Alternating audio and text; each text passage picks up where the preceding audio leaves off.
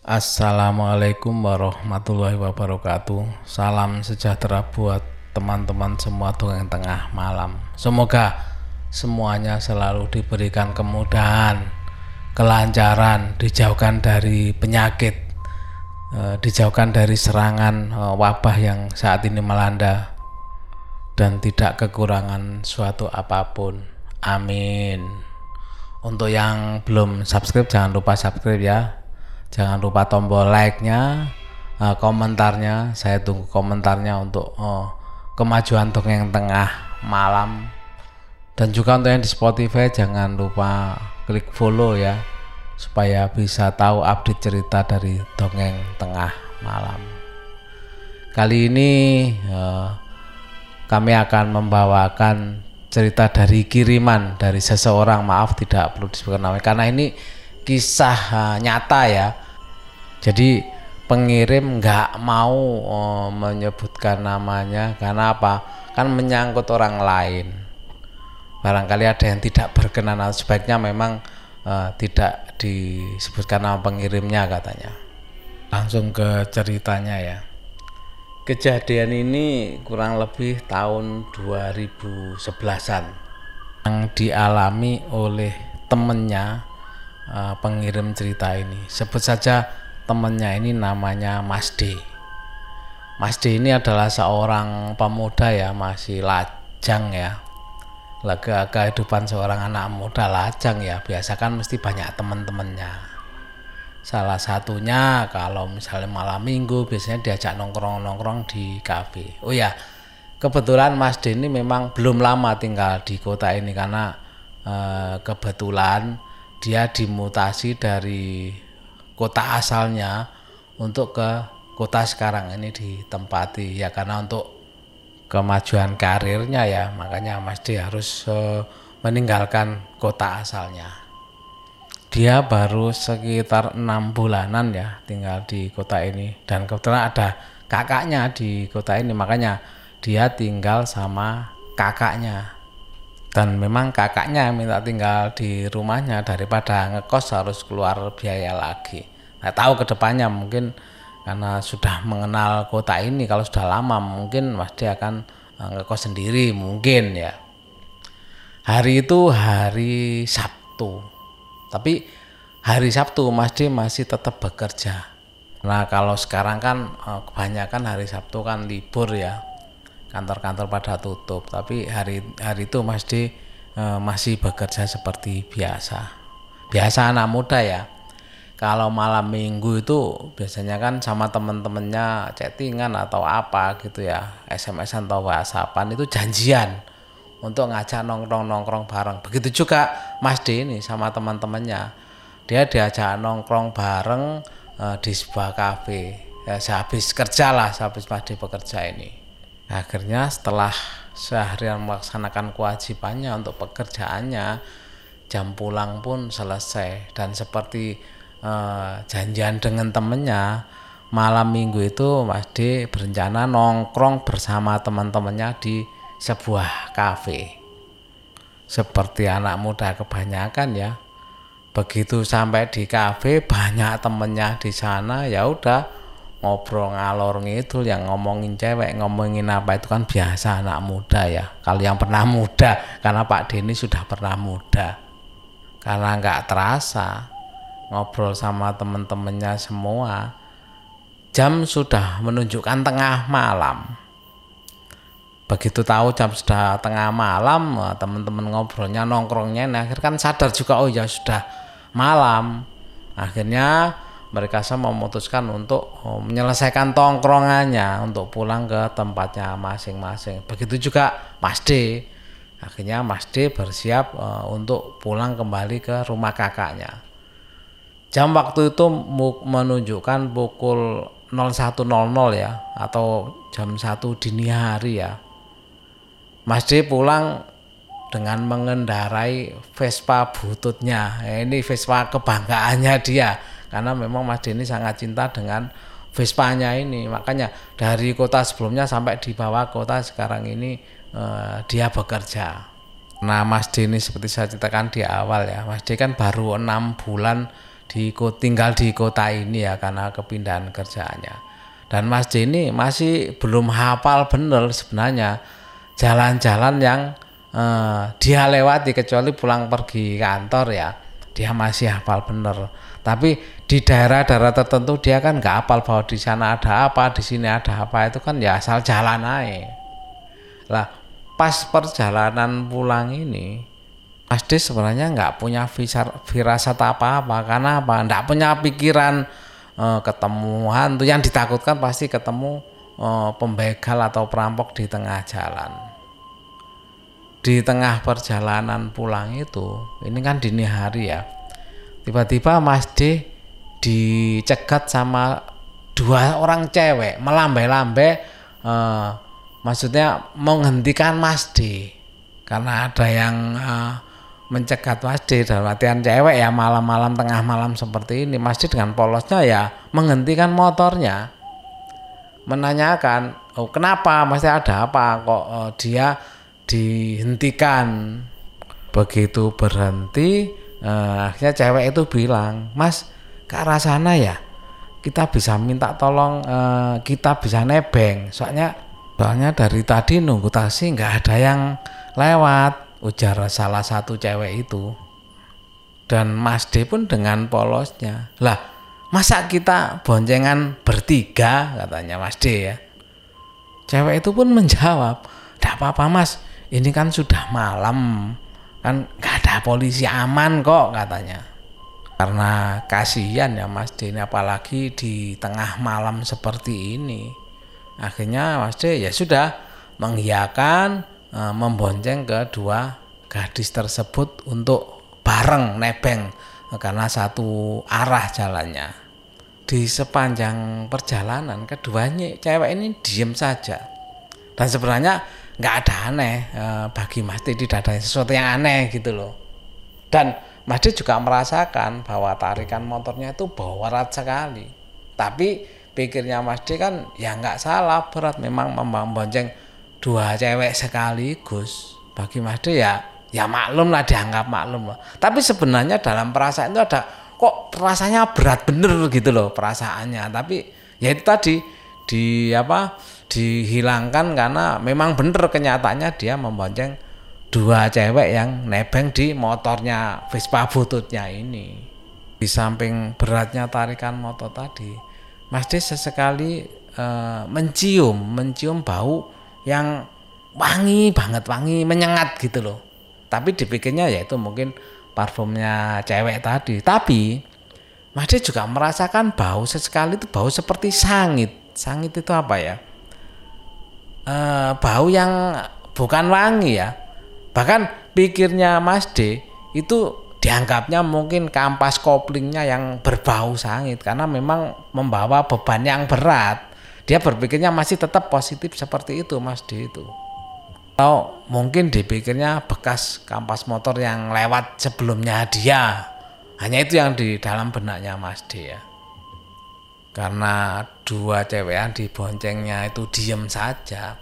Akhirnya untuk memecah kesunyian Mas D itu oh, bertanya sama kedua uh, cewek tersebut. Dari mana malam-malam gini mbak? Kok sampai jam segini? Dan bahkan dijawab sama saya cewek itu e, pulang kerja mas di kafe yang tadi katanya. Maksudnya tadi waktu dia berhenti itu loh waktu dia berhenti katanya memang di depan kafe. Nah, dia bilang dia kerja di kafe tersebut.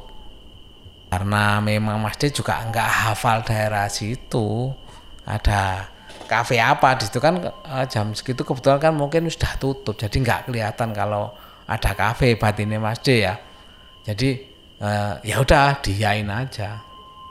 Akhirnya sampai sepertiga perjalanan wanita tadi yang di belakang tadi ya itu bilang mas mas kita turun di sini saja begitu mendengar permintaan turun D otomatis ya menghentikan laju motornya atau Vespanya ya.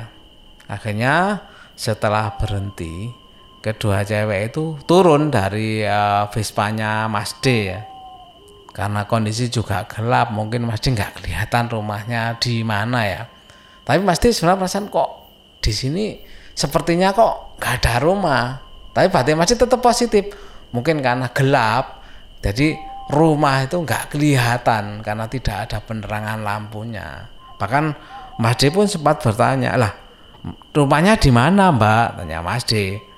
Sambil menunjuk sebuah gang masuk. E, masuk di gang situ Mas rumahnya katanya cewek tadi. Ya sudah karena mendapat jawaban dikira oh ya mungkin rumahnya dekat sini.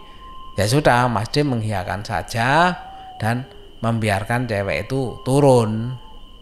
Tapi sebelum dua cewek itu meninggalkan Mas D eh, tiba-tiba salah seorang cewek itu memberikan kartu nama ke Mas D. Sambil berucap ini nama aku Mas.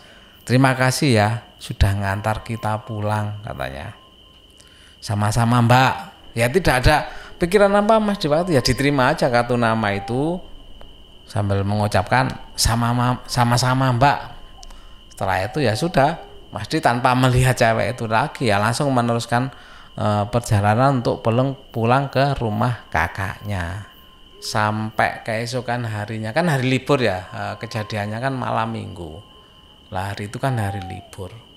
Ya karena hari libur Mas Di ya di rumah saja karena teringat kejadian semalam akhirnya Mas D menceritakan ke kakaknya bahwa semalam eh, dia itu habis ngantar dua cewek yang yang cukup cantik lah yang kerja di sebuah kafe katanya. Dan kakaknya sempat menggoda eh, Mas D ini wah dapat kenalan dong cewek cantik biar nggak eh, jomblo terus kamu itu. Eh, gitu eh, godaan kakaknya ke Mas D keduanya pun tertawa uh, mendengar uh, olokan dari kakaknya tadi. Lah aku nggak tahu namanya mbak. Cek tadi nggak sempat kenalan. Cuman katanya mas D sempat uh, dia itu ngasih kartu nama mbak. Akhirnya uh, karena teringat dikasih kartu nama mas D mencari kartu nama yang diberikan uh, di saku-sakunya ya. Akhirnya ketemulah kartu nama yang diberikan sama cewek itu dan diperlihatkan ke kakaknya. Ini mbak kartu namanya kata Mas D. Begitu disodorkan kartu nama itu dan kakaknya melihat eh, kartu nama yang diberikan Mas D, kakaknya sempat kaget. Waktu melihat kartu nama yang diberikan eh, Mas D ini dengan eh, agak sedikit tegang ya karena kagetnya kakaknya Mas D itu eh, kakaknya bertanya sama Mas D kamu ketemu cewek itu di mana? Dan kamu antar ke mana? Tanya kakaknya itu. Ya di jalan eh, setelah perempatan yang ada jembatan itu loh mbak. Dan mereka turun di depan gang setelah pertigaan jalan G ya nggak eh, inisial ya. Jawab Mas D yang yang terlihat agak bingung dengan reaksi kakaknya ini setelah melihat kartu nama yang diberikan sama Mas D tadi sambil agak tegang ya wajah kakaknya ini ya. E, Mas D di anu e, dibilang sama kakaknya coba kamu telepon nomor yang ada di kartu nama itu katanya kakaknya. Dan Mas D pun e, bener juga gitu loh. Kenapa nggak nggak ditelepon? Tapi ya heran juga ngapain Mas D tapi karena kakaknya bersifat seperti itu kak e, Mas D akhirnya sudah e, mencoba menghubungi nomor yang ada di e, kartu nama tersebut dan ternyata memang nggak aktif nomor yang diberikan di kartu nama itu. Dan Mas D pun bilang ke kakaknya nggak aktif pak nomornya ini. Sambil agak keheranan ya. Kok nomornya nggak bisa dihubungi? Padahal jelas-jelas yang ada di kartu nama tersebut. Malah eh, kakaknya nyeletuk ya nggak nyambung jelas nggak nyambung. Kafe itu kan habis terbakar. Dan ada beberapa karyawan eh, meninggal yang terjebak dalam kebakaran itu kata kakaknya. Karena saking penasarannya, Mas D akhirnya keluar rumah dan menyusuri jalanan di mana tadi malam ketemu sama dua gadis tersebut. Akhirnya sampailah e, di tempat dia bertemu gadis tersebut dan benar. Ternyata di depannya itu ada bekas kafe yang terbakar atau bangunan kafe yang terbengkelai karena habis kebakaran. Dan terlihat jelas hangus dari bekas kebakaran tersebut. tapi karena masih penasaran walaupun masih sebenarnya kaget gitu loh. Ternyata di situ memang ada bekas bekas kafe yang eh, bekas kebakaran. Tapi Mas D karena penasaran melanjutkan perjalanan di mana dia menurunkan kedua gadis yang diboncengnya semalam. Begitu sampai di gang yang dimaksud memang ada beberapa rumah ya di gang itu tetapi di ujung gang itu adalah pintu gerbang pemakaman. Mendapati kenyataan seperti itu, Mas D langsung diem, lemas tidak berdaya membayangkan siapa sebenarnya yang diboncengnya semalam itu. Sambil memohon ampun sama Tuhan ya astagfirullah. Uh, Mas D masih bersyukur bahwa uh, untungnya semalam itu Mas D tidak dikerjain sama makhluk-makhluk eh, anggap aja makhluk ya dua cewek itu yang digoncengnya semalam itu hanya minta diantar saja. Dan Mas D juga mengingat lagi bahwa sebenarnya semalam Mas D nggak merasakan kejanggalan sama sekali. Karena apa? Makhluk itu diajak e, bicara juga menjawab. Pada waktu turun pun dia berpamitan dan mengucapkan terima kasih. Siapa yang merasakan kejanggalan kalau menerima kenyataan seperti itu? Akhirnya Mas ya sudahlah e, mungkin ya mungkin mereka itu minta diingat atau minta didoakan e, arwahnya sudah di sana karena tidak tahu meninggalnya karena apa-apa dia ikut hangus pada waktu kebakaran kafe tersebut atau apa. Jadi nilai positifnya mungkin bagi pelajaran ya bagi Mahdi mungkin mereka minta didoakan. Akhirnya sudah Mahdi mendoakan mengirimkan ayat-ayat uh, yang dia bisa ya terhadap arwah kedua uh, cewek tadi. Yaitu tadi uh, kiriman pengalaman kisah nyata ya dari temannya pengirim cerita ini mudah-mudahan bisa dipetik pelajaran dalam pelajaran gini loh mungkin saja yang sudah tiada itu mengingatkan kita untuk tidak melupakan bahwa dia itu pernah ada dan dia sekarang ini di alam sana. Barangkali uh, tidak ada yang mendoakan ya minta didoakan atau dikirimi doalah ke mereka. Itu aja. Mudah-mudahan pendengar dongeng tengah malam bisa terhibur. Tetap jangan lupa ya komentarnya dan subscribe yang belum. Dan uh, dongeng tengah malam saya akhiri wassalamualaikum warahmatullahi wabarakatuh